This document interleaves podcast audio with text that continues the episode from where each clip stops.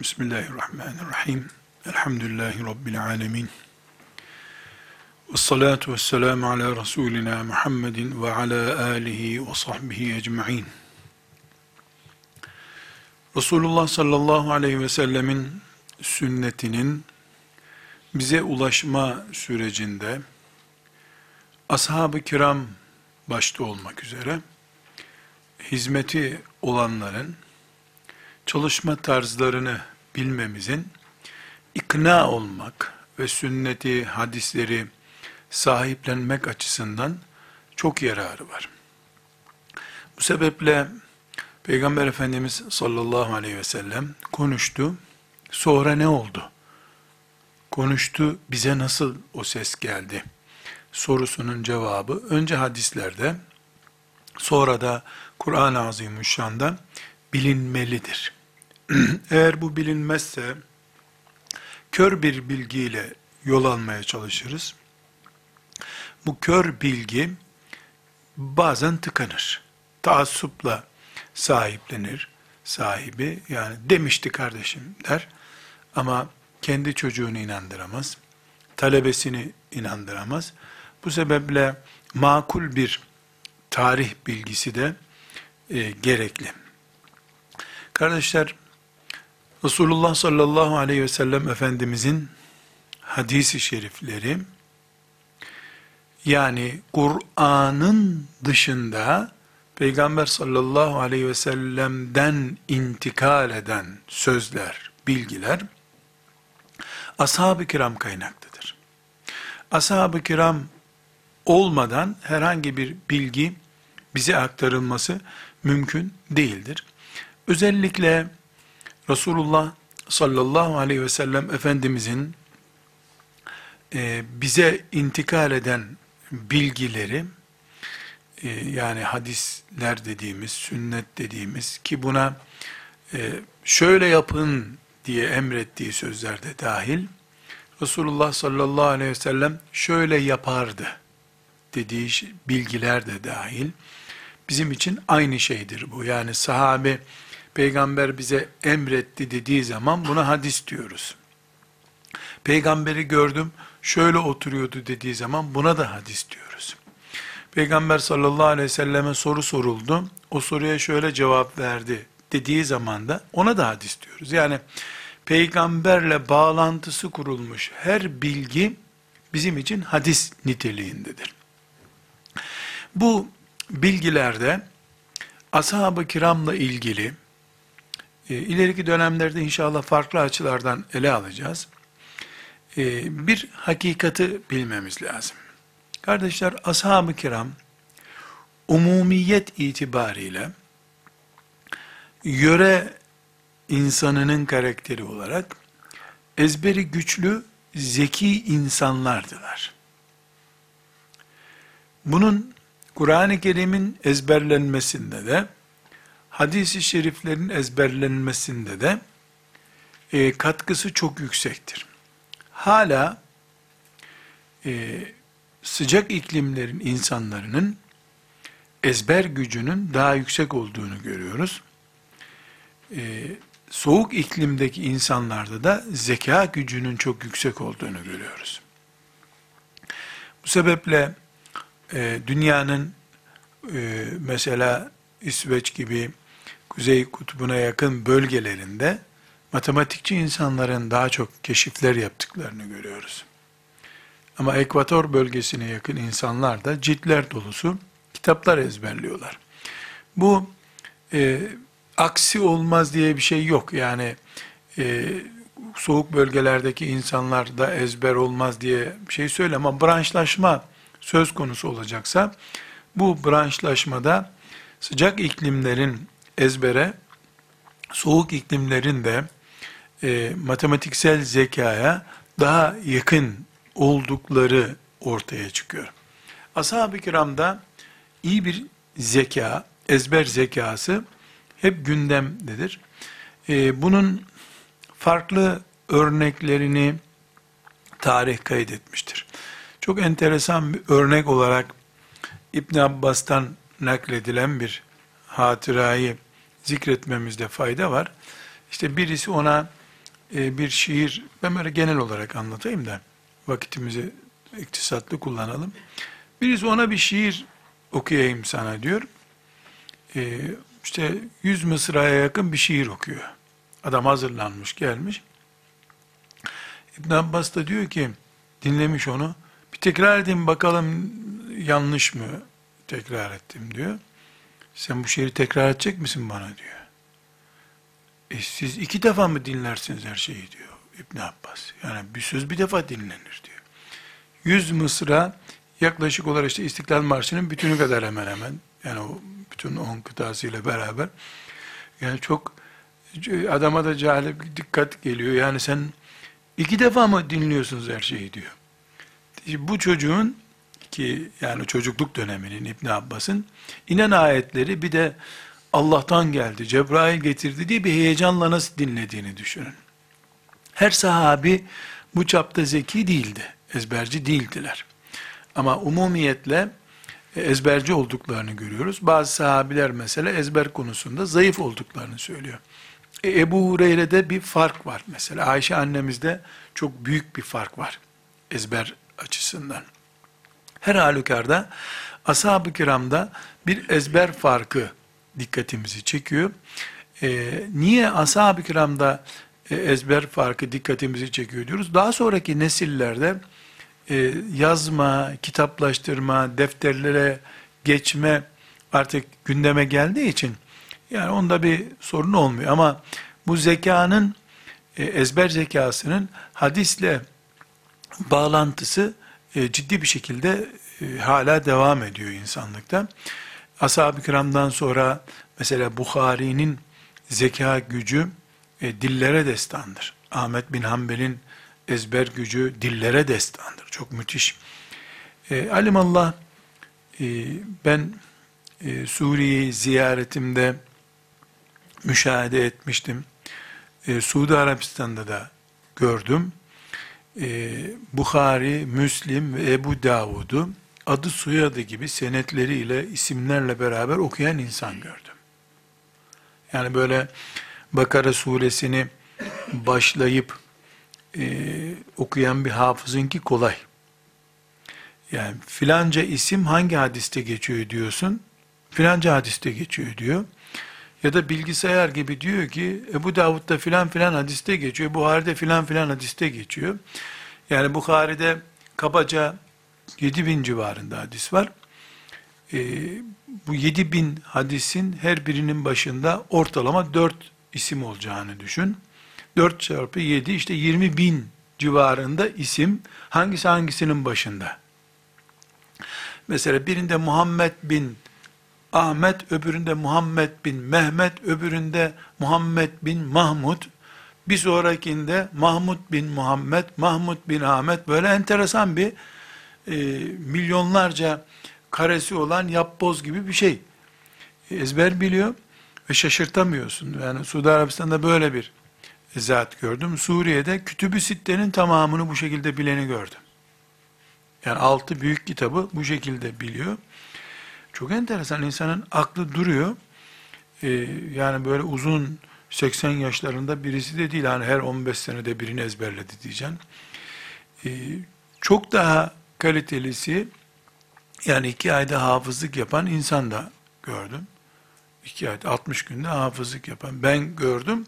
Üstelik de bunlar e, bu çağın bin bir kirli zihinler üreten sorunlarıyla beraber yaşamış neslin çocukları. Bir de e, çöllerde televizyon yok, gazete yok, beyin yoracak hiçbir şey yok. Tertemiz hava, duyduğu her şeyi aklında duyması için, kalması için yeterli fırsatları olan bir nesli düşünelim. Buna bir de Allah'tan geldi bu muhakkak bunu ezberlemem lazım heyecanıyla bakışını düşünelim. Elbette bu zekalar e, Allah'ın lütfuyla oluyor. Elbette Allahu Teala ashab-ı kiramı seçti bunun için. Seçti. Özellikle onlara ilham etti. Özellikle onları korudu Allah. Bunlar hep ayrı sebepler ama ashab-ı kiramın hadis-i şeriflerin korunmasında, bize ulaştırılmasındaki emekleri asla zayi edilemez. Yeteneklerini de kabul etmemiz gerekiyor. Ama her sahabi bu şekilde değildi. Bildiğimiz gibi 120 bin civarında sahabiden söz ediliyor. 120 bin civarındaki sahabi, Allah hepsinden razı olsun. Ama içlerinden hadis olarak adı geçen 20 bin kişi yok. Hepsi alim değil. Şimdi biz şöyle düşünürsek, yani sahabiler 120 bin kişi, 120 bin deha. On binlerce ismi böyle değil. Deha olanları sıyrıldı çıktı, biz hepsini öyle zannediyoruz. E 120 bin mücahit de yok içlerinde onların. Tıpkı 120 bin şehit olmadığı gibi. Yani Halid bin Velid e, radıyallahu anh'ın zeka özrü belki yoktu ama 10 sureyi üst üste de okuyamıyordu. Başka bir alanda sıyrıl, e, sivrilip ümmeti Muhammed'in göz bebeği oldu. Allah ondan razı olsun. Ama İbn Abbas da zekasıyla sıyrıldı çıktı. E, burada e, farklı noktalarda hep vurguluyoruz. Mesela Ebu Bekir ilk Müslüman. Bali insanlardan ilk Müslüman. Abdullah İbni Mesud radıyallahu anh da ilk yedi Müslümandan biri. Yani ilk yedi, yedinin biriydim ben diyor. Müslüman olduğunda. Şimdi Bukhari'den tutalım. İşte Riyazu Salih'ine gelelim. En meşhur kitaba kadar. Açalım. Yüz defa e, Abdullah İbni Mesud geçiyorsa bir defa e, Ebu Bekir geçer. O yüzde çok büyük bir rakam. Yani 500 Abdullah İbni Mesud geçer, bir defa Ebu Bekir geçer. Çünkü Ebu Bekir radıyallahu anh hadis rivayet etmedi. Bunun farklı farklı nedenleri var. Ama Abdullah İbni Mesud, mesela Hanefi mezhebinin de özü Abdullah İbni Mesud'dur. Çünkü Abdullah İbni Mesud, Ömer'in e, baş danışmanı durumundadır. Fıkıhta, güçte. Ali radıyallahu anh da onun e, Ömer'in eğitim kadrosundadır diyelim. Öyle bugünkü isimleri kullanalım ama Abdullah İbni Mesud'la Ömer kontağı çok yüksek. Abdullah İbni Mesud e, Irak'a geçip Irak'ta Ömer'in iştihatlarını, Ömer'in İslam anlayışını e, yaydı deyim yerindeyse. E, Ebu Hanife rahmetullahi aleyh de Irak'ta e, e, ilimle meşgul olduğunda Abdullah İbni Mesud'dan esinlenmek durumunda oldu. Ali İbni Ebi Talip de aynı şekilde Irak'ta e, nüfuz eden iştihatları oldu. Hanefi mezhebi bu isimler üzerinden Resulullah sallallahu aleyhi ve selleme bağlanıyor. Ama Ebu Hanife'yi yarsan, kılcal damarlarına kadar Ebu Bekir çıkar içinden. Ama bilgi olarak değil. Yani bilgiye gelince Allah Ebu Bekir'e İbni Mesud'a verdiğini vermedi. Ama Kur'an mağarada inerken ikisinin ikinin ikincisi diye övdü onu. Demek ki ezber yapmak, Peygamber sallallahu aleyhi ve sellemin hadislerini taşımak, e, Kur'an-ı Kerim'e veya sünnet-i seniyeye hizmet etmek bir branş. Bu branşın ezber bölümünde filan sahabileri Allah meşhur etti. Kılıç gereken bölümünde filan sahabileri meşhur etti. Bunun bulaşıkları yıkanacaktı. Bulaşıkları yıkamayı filancaya nasip etti. Topluca ve kullun vaadallahu'l husna. Hepsine de topluca cennetini vaat etti Allah. Her sahabi e, on binlerce hadis ezberleseydi İslam tıkanırdı. Çünkü İslam sadece hadis ezberlemekten ibaret değil ki amel edecek adam, orduya adam lazım. Mesela Halid bin Velid radıyallahu anh'ın sözü çok meşhurdur. Bir gün namaz kıldırıyor da namazda zamm-ı süreyi bir türlü toparlayamıyor. Rüküye gidip herhalde kurtarıyor. Ondan sonra dönünce de kim bilir çocuklar mı güldü? Yani la koca Halid lan bir namaz kıldıramadı bize gibi. Dönüp demiş ki e, iman ettik kılıcı verdi Resulullah elimize bir sure ezberlemeye vakit bulamadım ki ben demiş. Bir kusur mu bu? Hayır canım. Halid İbni Velid eğer oturup da e, sure ezberleyeceğim, inen sureleri ezberleyeceğim, nasıl olsa ben geç Müslüman oldum, bari bu açığı kapatayım deseydi, e Suriye nasıl Müslüman olacaktı? E, Kudüs'ü kim fethedecekti? Allah ondan razı olsun. Yani her taş yerine oturdu. Çok muhteşem bir şekilde oturdu. Burada şu izahı yapmak istiyorum. Bizim açımızdan imanımızla bağlantıları, Peygamber sallallahu aleyhi ve sellem Efendimizle e, yakın ilişkileri, e, büyüklerimiz olması açısından ve küllen vaadallahu'l husna. Allah'ın hepsine cennet vaat ettiği muhteşem insanlar. Ama meseleyi hadis ilminin bize ulaşmasındaki profesyonel hizmet ya da hadise profesyonel sahiplenme açısından baktığımızda ise hiç kimse Ebu Hureyre değil. Yani 100 e, 20 bin sahabenin 110 binini bir kenara koyuyorsun. Toplamı Ebu Hureyre yapmıyor. Toplamı yine Abdullah İbni Mesud yapmıyor. E, bütün ashabın kadınlarını, diyelim 60 bin kadındılar, 60 bin kadını koyuyorsun, toplamı Ayşe yapmıyor.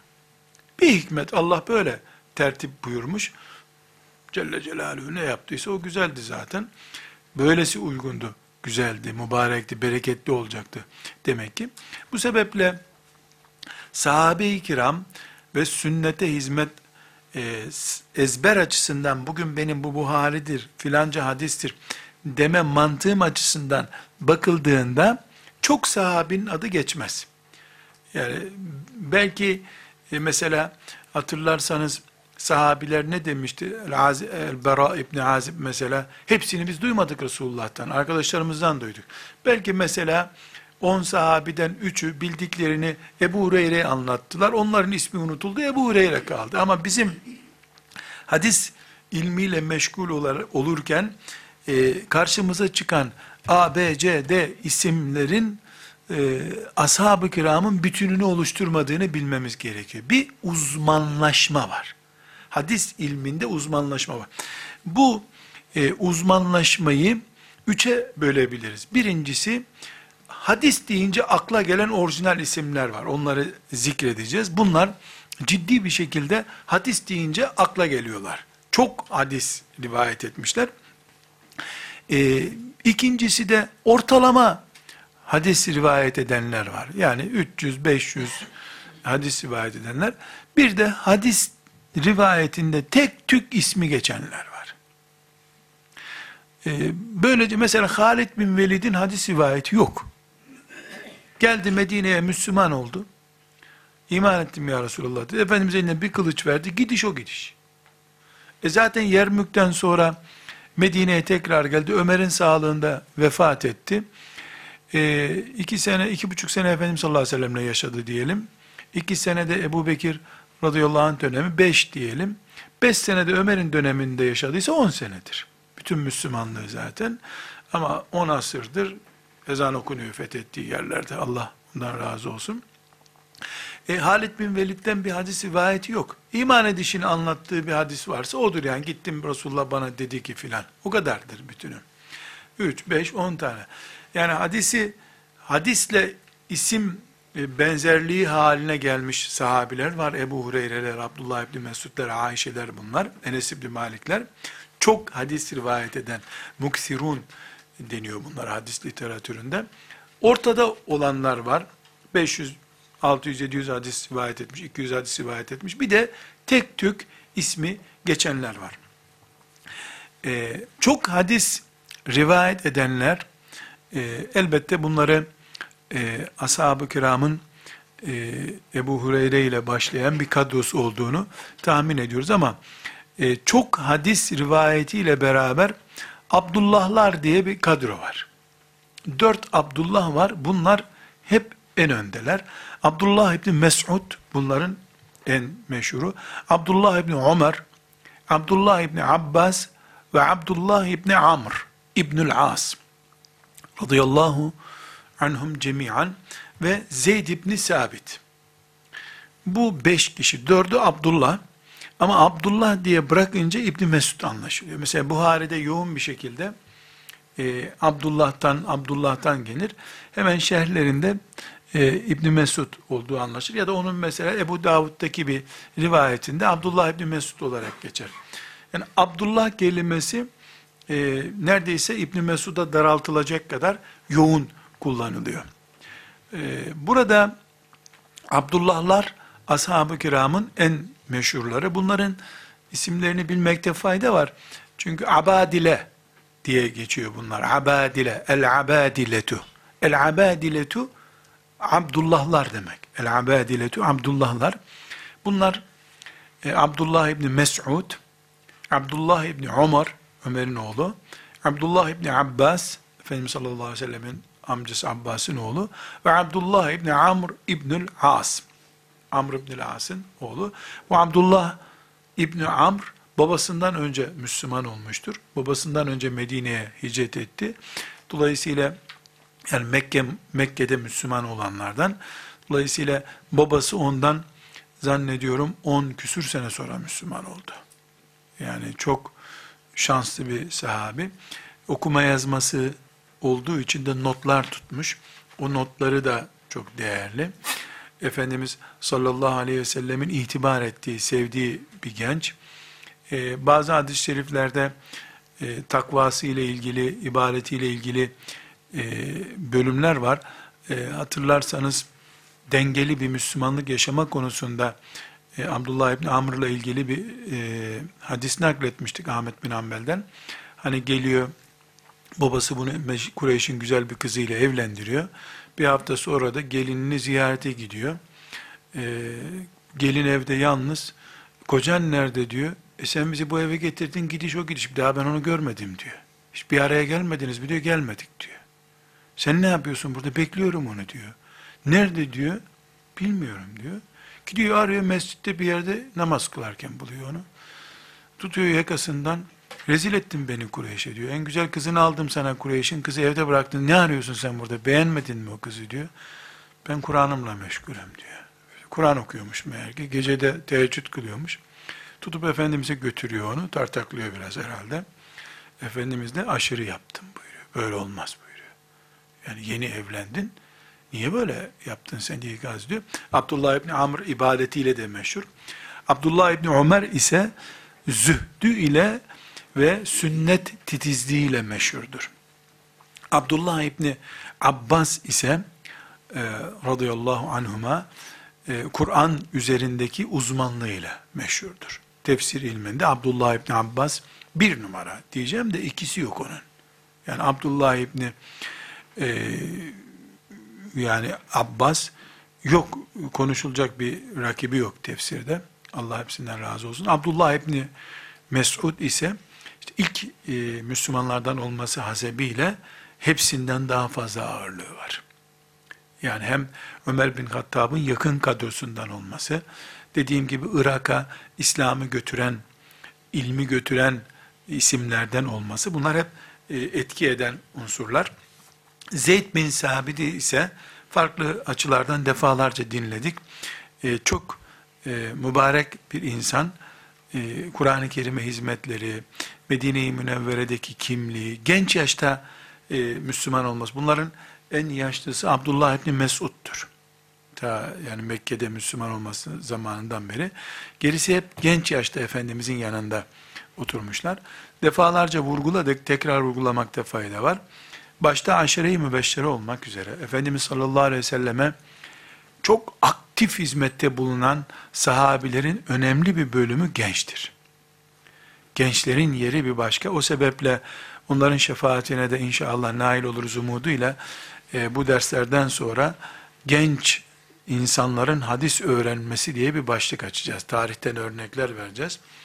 Genç muhaddislerin fonksiyonları neye mal olmuş? Ümmet onlardan neler istifade etmişler onu göreceğiz. Burada e, bu sözünü ettiğimiz e, mübarek Abdullahların, Zeyd bin Sabitlerin ve diğerlerinin tabi sadece bunlar değil, e, özellikle e, hadisle nasıl meşgul olduklarına dair rivayetlerden e, geçen derslerimizde e, İbn Abbas'ın talebesi İkrime'nin İbn Abbas'tan naklettiği bir hatırayı söylemiştik. Hani e, Resulullah sallallahu aleyhi ve sellem Efendimiz e, vefat edince gideyim hemen ensardan hadisleri toplayayım, unutmayayım demişti.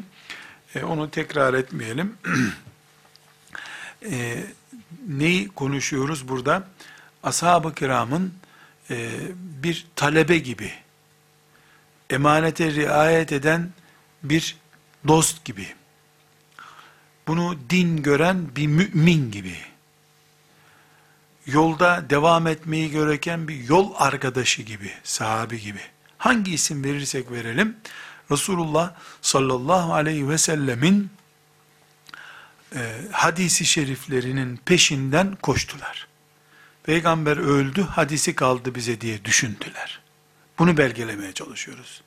Çünkü bu en başından beri e, ne dedik? Hadisin bugün bize gelişin, bugün bizim elimizde olmasına sebep olan süreçte Allah bunu sahiplendi.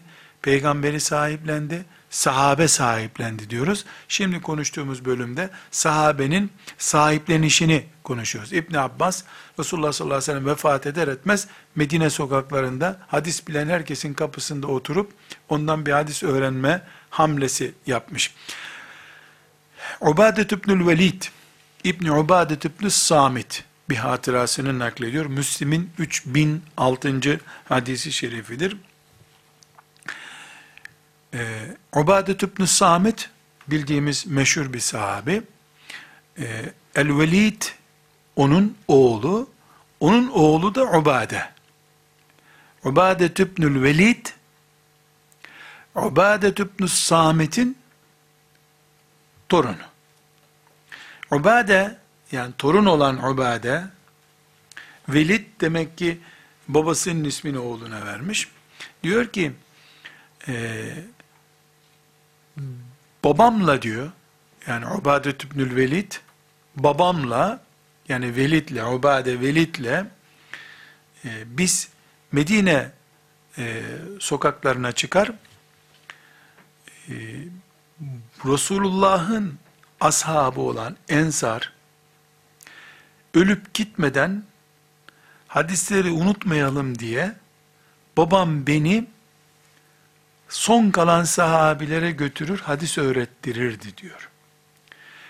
Ee, ilk karşılaştığımız bu yani babası bunu daha çocukken almış gel oğlum Resulullah'ın ashabından aleyhissalatü vesselam sana hadis öğrettireyim deyip e, gitmiş e, en ilk defa ders olarak da Ebul Yusr isimli sahabeyi bulduk diyor. O da yanında hizmetçisiyle beraber oturuyordu. Babam beni oturttu onun yanına. Bildiği hadisleri bana öğretti diyor. Niye bunu Kur'an'da yapmıyorlar? E Kur'an zaten herkesin elinde. Sahabi olan olmayan herkes, Kur'an artık sahabinin malı değil çünkü. Kur'an ümmete mal oldu. Kur'an'da bir sorun yok, kaybolma sorunu yok. Ama bu Velid İbni Ubade ne düşünüyor? Resulullah'ın hadislerini birinci ağızdan duysun benim yavrum diyor. Oğlu Ubade'yi de götürüp Ebul Yusur isimli sahabiyle buluşturmuş. Ebul Yusur Ensardan birisidir. Burada e, yani her birinin e, Resulullah sallallahu aleyhi ve sellemin hadislerine bir yolla sahip olmak için gayret ettiklerini görüyoruz. Burada tabii çocuk eğitimi konusunda da ipucu var bu olayda. Yani e, onlar için Resulullah sallallahu aleyhi ve sellemin ashabı Ensar götürüp çocuğu duasını aldıracak bir kimseydi. E senin de Ensar'ın kimse bu zamanda. Yani çocukları sadece kitapla buluşturmaya gerek yok. Çünkü Velid İbni Ubade zaten sahabe çocuğu. Büyük ihtimalle de Peygamber Efendimiz'i görmüştür. O da sahabedir. Ben sana öğreteyim yavrum demiyor. Bereketin kaynağına buluşturuyor çocuğu.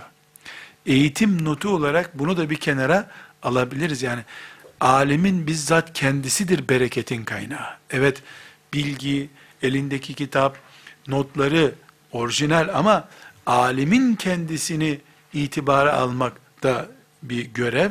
Ee, burada Velid İbni Ubade, e, Allah hepsinden razı olsun, oğlu e, Ubade'yi e, götürüp e, sahabeden kim sağ kaldıysa tek tek dolaştırıyor. O da şimdi ne kadar hoş bir hatıra.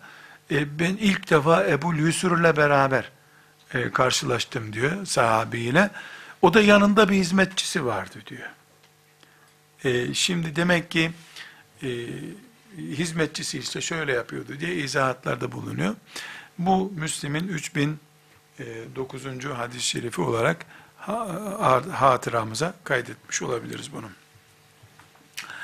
Burada e, özellikle sahabenin hadis bağlantısını konuşurken Hulefai Raşidin döneminin hadisi şeriflerin e, toprakla buluşup kökleşen bir fidan gibi kökleştiğini, e, Hulefai Raşidinin e, hadisi şeriflerin önemli bir bölümünü devlet kuralı gibi oturttuğunu da söylememiz lazım. Evet, e, Osman İbni Affan'dan, Ebu Bekir radıyallahu anh'tan binlerce hadis bize gelmiyor. Ama Ebu Hureyre'nin rivayet gücü, İbni Mes'ud'un rivayet gücü, Ayşe annemizin konuştuğu şeylerin bize kadar ulaşması, Ebu Bekir'den Ömer, Osman, Ali radıyallahu anhum cemiyen onların bu hadisleri hüküm olarak uygulamaya hazır mantıkları sayesinde biz buluyoruz. Mesela Ayşe radıyallahu anhanın Resulullah sallallahu aleyhi ve sellem şöyle yapar bunu buraya koyardı şeklindeki bir bilgisini Ömer parmağıyla olmaz olmaz bu işler böyle olsun deyiverseydi o söz gömülüp gidecekti tarihe. Yani devletin başında dört kişi var. Bu toplam 30 sene sürdü. Hulefai Raşidin dönemi. Bu dönemde Ebu Hureyre, e, İbni Abbas, İbni Amr, e, Aişe, Esma, e, İbni Zübeyir, her ne söylüyorlarsa bir tür resmi onaydan geçiyor. Ömer sahipleniyor bunu. Nitekim sahiplenme riski olan şeylerde devlet protokolü uygulamış. Ebu Hureyre'yi çağırmış. Sen ne zaman Müslüman oldun demiş. Benim bilmediğim şeyleri biliyorsun sen. Bir hadis yani gündemimiz dağılmasın onu zikretmeyeyim. Bir hadisi e, sen söyledin mi demiş milletince. Söyledim. Bana iki tane şahit getireceksin. Bunu Resulullah'tan duyduklarını söyleyecekler. Kırbaç burada yoksa demiş. O da mescide gitmiş, millet mescitte oturuyor. Ey Allah'ın kulları demiş. Ömer'in kırbaçından beni kurtaracak biri var mı demiş. Ne oldu demişler. Ya ben Resulullah'tan böyle duydum diyor. Ömer şahit getireceksin diyor. İki sahabi kalkmış biz biliyoruz demişler o hadis. Biz de duyduk. Gelin benimle demiş. Gitmiş. İyi tamam demiş. Neyi gösteriyor? Demek ki ulu orta. Her sahabi hatıralarını anlatıyor. Sonra gazeteciler bunları topluyorlar. Ölümünden sonra Efendimiz'e hatırat yazıyorlar. Öyle basit değil bu iş. Yani bir defa devletin başında Pers İmparatorluğunu yerle bir etmiş Ömer'in e, süzgecinden geçiyor. E, Ulu Orta, mesela İbn Abbas'a bir tehdidi var. İbn Abbas'ı müthiş bir şekilde seviyor. Devlet protokolünde, danışma kurulunda İbn Abbas. Ama muta nikahının helal olduğunu zannediyor. Bir iki de böyle fetva vermiş. Şimdi peygamberin de amcasının oğlu. Şimdi gel lan buraya da dememiş, diyememiş ona. Bir gün mescitte kalkmış Ömer. Bakın demiş. Bazıları mutanın haram olduğunu bilmiyorlar demiş. Şey yok. Peygamberin amcasının oğlunu üzmek de yok ama. Nezaket var. Sert ama nazik. Ee, Allah'a yemin ediyorum demiş. Resulullah sallallahu aleyhi ve sellem Tebuk gazvesinden dönerken, dönerken bunu haram etti. O bilip bilmeyenler konuşur. Birileri de onun fetvasına uyar da muta nikahı yapar. Sonra da zina uygularım ben, zina cezası uygularım. O yol açtığı için ona da uygularım, buna haber olsun demiş. İbn Abbas'ı rencide etmek yok ama. Tabi İbn Abbas da bakmış ona bu mesele ciddi. Çünkü Tebuk gazvesinde 6 yaşındaydı. 7 yaşındaydı. 7 yaşında çocuk bu konuları bilmiyordu. Nikah nedir? Sünnet olmamıştı daha. Nikah nedir ne bilecekti? Ömer'in zamanında da 17-18 yaşlarında bir delikanlıydı. Yeni yeni daha din öğreniyordu. E Kur'an'da böyle bir şey görmedim, yasak yok filan gibi herhalde dedi bir iki yerde. Yani bu Hulefai Raşidin döneminin e, hadisler açısından zaten Kur'an-ı Kerim Ebu Bekir'in ilk senesinde elhamdülillah e, bitti. Yani Kur'an-ı Kerim'le ilgili çalışma Ebu Bekir'in halifeliği döneminde bitti zaten. Toplandı. Zeyd bin Sabit Allah ondan razı olsun 22 yaşında Kur'an'ı mühürledi adam. 22 yaşındayken. Mühürledi. Bugün okuduğumuz Kur'anlar Zeyd bin Sabit'in 22 yaşında mühürlediği Kur'an'dır. Bir yerde hep Sultan Fatih 21 yaşında İstanbul'u fethetti e, diye mesaj veriliyordu da orada bir delikanlı kalktı benim Arşın Gölgesindeki genç kitabını okumuş. Dedi ki ya boş ver Fatih dedi ya dedi. Onun iman ettiği Kur'an'ı 21 yaşında Zeyd bin Sabit mühürlemişti dedi. Çok hoşuma gitti. Yani müthiş bir olay bu. Zeyd bin Sabit'in genç yaştaki e, bu başarısı. Hadisi şeriflerde ise bu 30 yıllık Hulefai Raşidin döneminde e, evlilikle ilgili, namazla ilgili, hangi konuyla ilgili olursa olsun e, binlerce sahabi boşaldılar, yağmur gibi boşaldılar. Peygamber aleyhisselamla ilgili hatıralarını anlattılar, yorumlar yaptılar.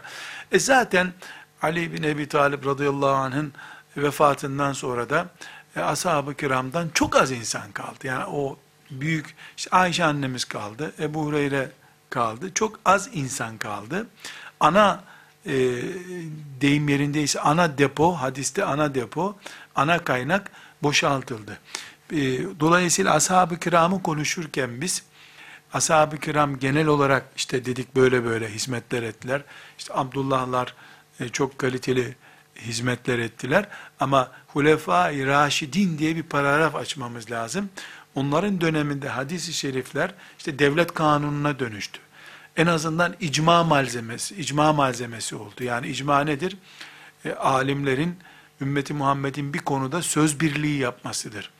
E, Ömer bin Hattab Resulullah sallallahu aleyhi ve sellem'den böyle bir şey bilen var mı diye sordu. Mesela Ebu Bekir defalarca örnekleri var radıyallahu anh. E, ben bu konuda bir şey bilmiyorum. Resulullah'tan bilen var mı? Diye resmen kamuoyu yoklaması yaptılar. Resulullah'ın bu konudaki emrini bilen var mı? Birisi kalktı ben şöyle biliyorum dedi. Devlet onaylı olarak kaynak bir sahabiden ama e, bunun kanunlaşma süreci de Raşid halifelerden birinin işte Ebu Bekir'in, Ömer'in vesaire bir tanesinin eliyle mühürleşmiş oldu. Bu da gösteriyor ki Raşid halifeler dönemi o 30 sene Resulullah sallallahu aleyhi ve sellem'den sonraki 30 sene e, hadisi şerifler açısından devlet düzeyinde sahiplenilme sürecidir. Daha sonra devlet düzeyinde sahiplenme veya e, reddetme diye bir şey olmamıştır. Yani e, hiçbir zaman ne Ümevi e, halifeleri, ne Abbasi halifeleri, hatta e, ne de Memlukiler, ne de Osmanlı sultanları veya halifeleri daha sonra, ya boş ver bu hadisi hiçbir zaman dememişlerdir. Hiçbir zaman. Ama bir Memluki sultanının, Baybars'ın, e, Ömer bin Hattab gibi onay gücü yok. Yani kaç asır geçmiş aradan. Bu ilk dönemde sıcağı sıcağına iken daha. Yani neredeyse Resulullah sallallahu aleyhi ve sellemin sesi, mübarek sesi Medine'de yankılanırken Ömer bin Hattab tamam bu budur, kanun böyledir. Çünkü e, Ayşe'den rivayet edilen Ayşe'nin söylediği filan hadise göre diye bir kaynaklandırma yapılmıştır. Bu sebeple Raşid halifeler dönemini çok farklı bir dönem olarak uygulayacağız, anlayacağız. İnşallah, inşallah Raşid halifeler diye bir ders yapacağız. O ders çok önemli. Çünkü Efendimiz sallallahu aleyhi ve sellemin benim sünnetim ve Raşid halifelerimin sünneti diye vurgulaması var. Dolayısıyla Müslüman olarak biz Raşid halifelerin yani Ebu Bekir, Ömer, Osman ve Ali radıyallahu anhum cemiyen e, bunların uygulamaları bizim için din anlamına geliyor. Bu neden din anlamına geliyor ve bu nasıl dine bir ilave olmuyor? Nasıl masum olmayan insanlar? Yani Ebu Bekir masum değil, Ömer masum değil. Peygamber değil, melek değil çünkü. Masum olmadığı halde nasıl Ebu Bekir'in uygulaması, Ömer'in uygulaması din olabiliyor? Böyle bir şey olur mu? E, diye bir endişemiz olur.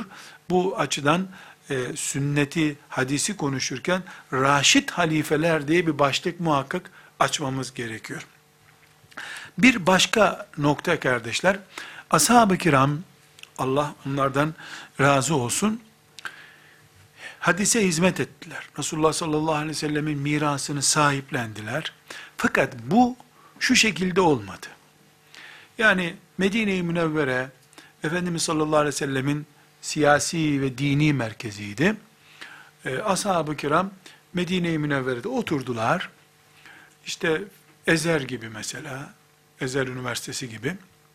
Müslüman olan ülkelerden de çocukları Medine'ye geldiler. Ee, işte gelip hepsi bir yere kaydoldu. Sünnet bölümü, Kur'an bölümü filan kaydoldular. Beşer yıl okuyup mezun olup gittiler. Bu çok düşük oranda böyle oldu. Yani bu anlattığım, yani Medine'nin bir üniversite gibi merkez olarak, coğrafi olarak Medine'nin kullanılma oranı bilerek söylemiyorum. Yani bu bütün bilgilerimden zanla söylüyorum. İslam'ın bugünkü bilgi açılımı, Ebu Hanifeler, İmam Şafiler vesaire e, gibi bu sonra büyümüş isimleriyle beraber bakıldığında Medine'den e, gelip icazet alıp gitme oranı ashab-ı kiram döneminde zannediyorum yüzde on bile değildir. Ashab gittiler yaymaya. Çünkü ashab-ı kiram bunu eh, peygamberle oturmuş kalkmış çok değerli bir hacı efendi gibi oturma hakkı görmediler kendilerinde.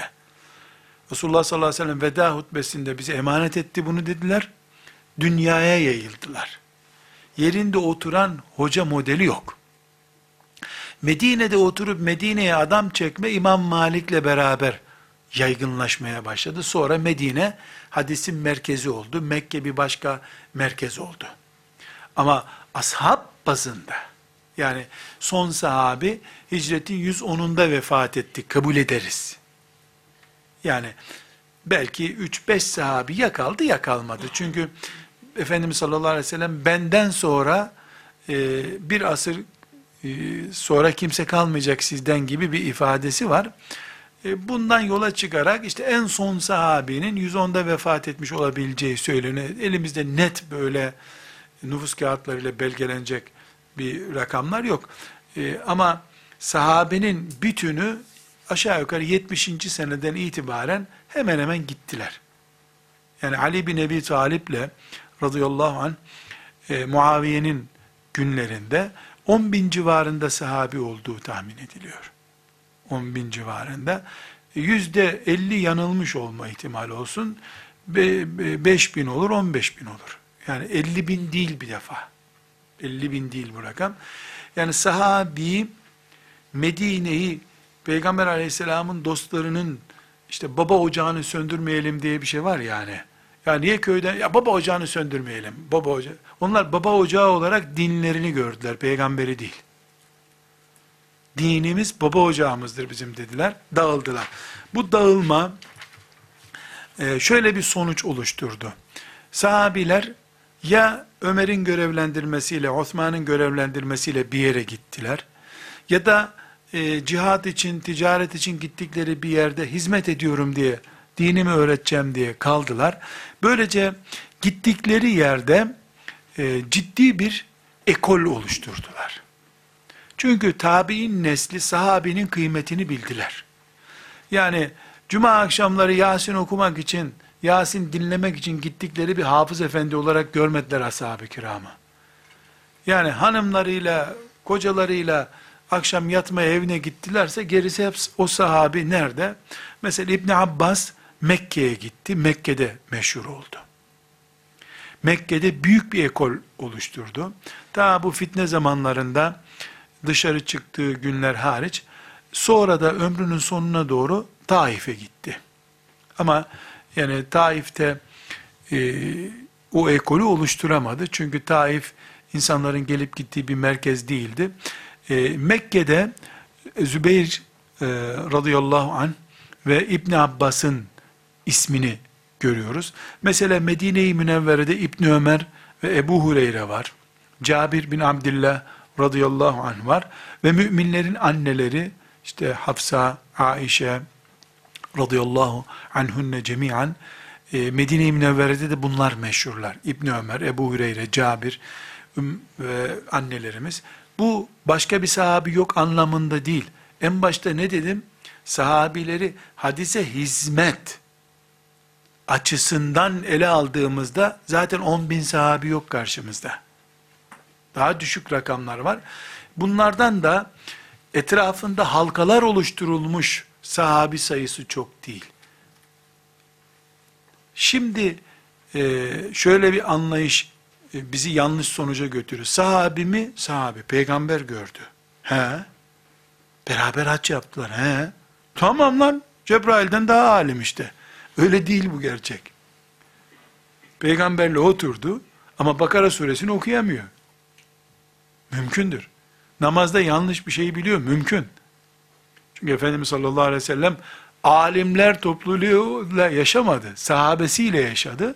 İçlerinden İbn Abbas, İbn Ömer sıyrılıp alim olarak yükseldi. Bizde de az, onlarda da azdı alimler. Defalarca ikaz etmişimdir. İbn Kayyim el Cevziye'nin rahmetullahi aleyh e, el, ya bu e, fıkıh konularında e, veya fıkıh siyaset, şimdi nasıl isimlendireceğimi tam kestiremiyorum konularında çok değerli. İ'lamul muvakki'in an Rabbil alemin. Ee, Allah adına imza atanların e, imzası şeklinde e, bir kitabı vardır. Çok değerli bir kitap. Orada yani alim oluşumu ile ilgili, ashab-ı kiramla ilgili verdiği bilgide 120'li civarında bir rakamdan söz ediyor. 120 bin sahabiden yani araştırmış o incelemiş bir 200 sahabinin fetva verecek düzeyde olmadığını söylüyor. 200 değil yani. Ashab-ı kiramda da bu rakam çok düşük. Gerçi onların alim dediği kimseler bizde hiç yok zaten. Kim bilir bizim alimlerimiz onların cahilleri statüsünde miyiz? Neyse ama her halükarda onlar öyle bir toplumdu. Onların alemi de öyleydi. Bizim standartımız da böyle. Bizdeki alim de böyle diyebiliriz.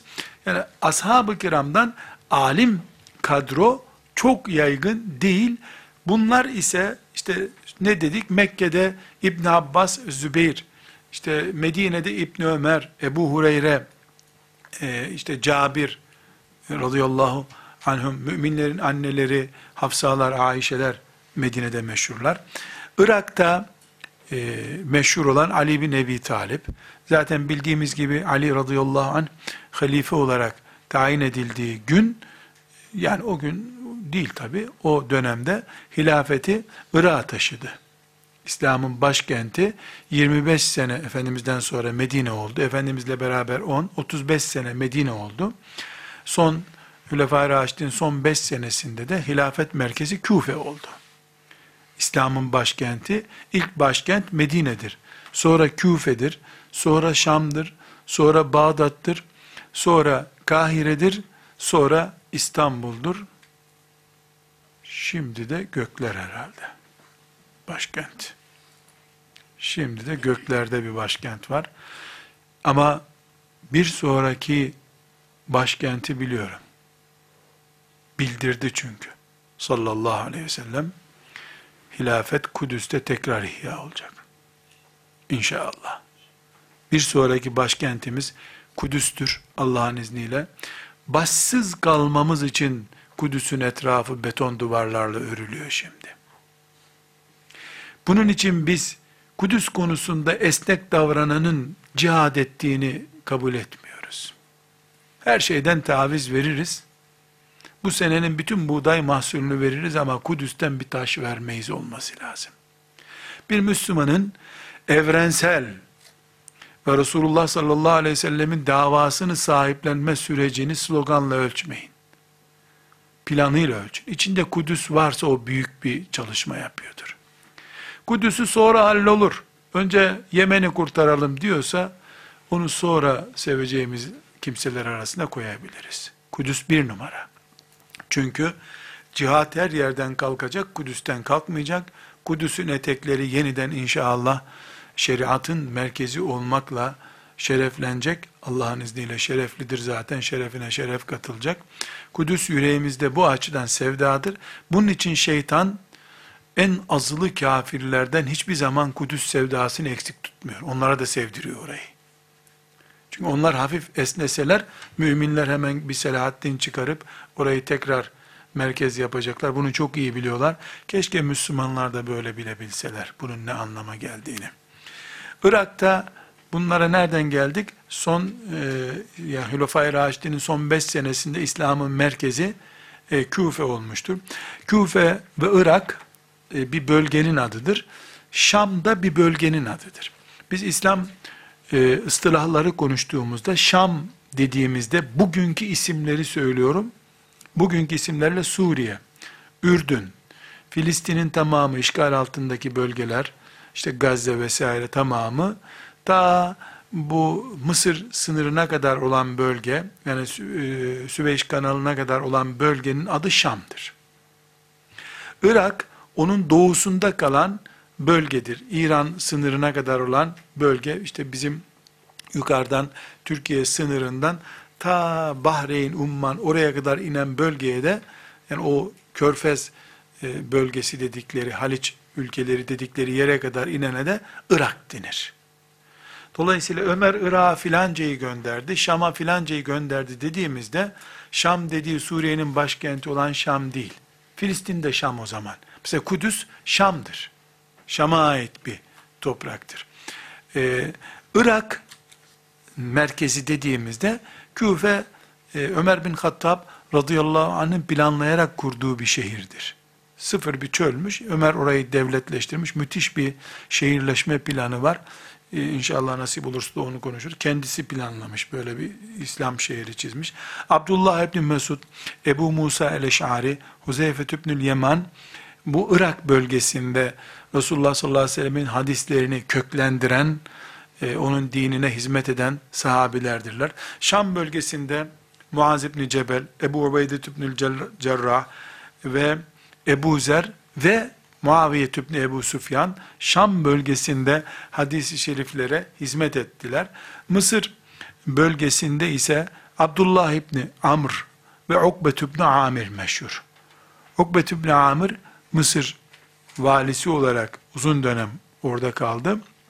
Abdullah ibn Amr ibn al-As radıyallahu anhuma da e, Mısır'ı ihya eden, ilimle e, nurlandıran bir sahabidir.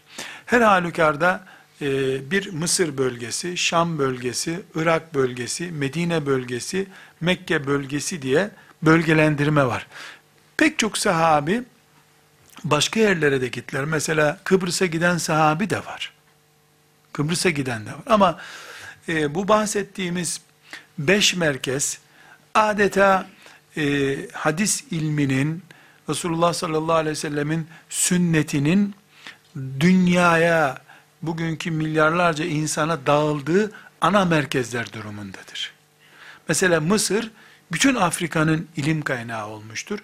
Daha sonraki asırlarda da Ezer sayesinde de bütün dünyanın ilim kaynağı haline gelmiştir. Yani Sultan Fatih'in İstanbul'u e, fethettiğinde Suyuti rahmetullahi aleyh ona tebrik risalesi yazmış. Hem de o risaleyi Letüftehannel Konstantiniyetü hadisinin şerhi gibi yapmış, Fatih'e göndermiş. Yani Fatih de anlaşılan bundan çok hoşlanıyor. Mısır'dan İstanbul'a alim getiriyor. Yani gemiler e, İstanbul'a alim taşıyorlar.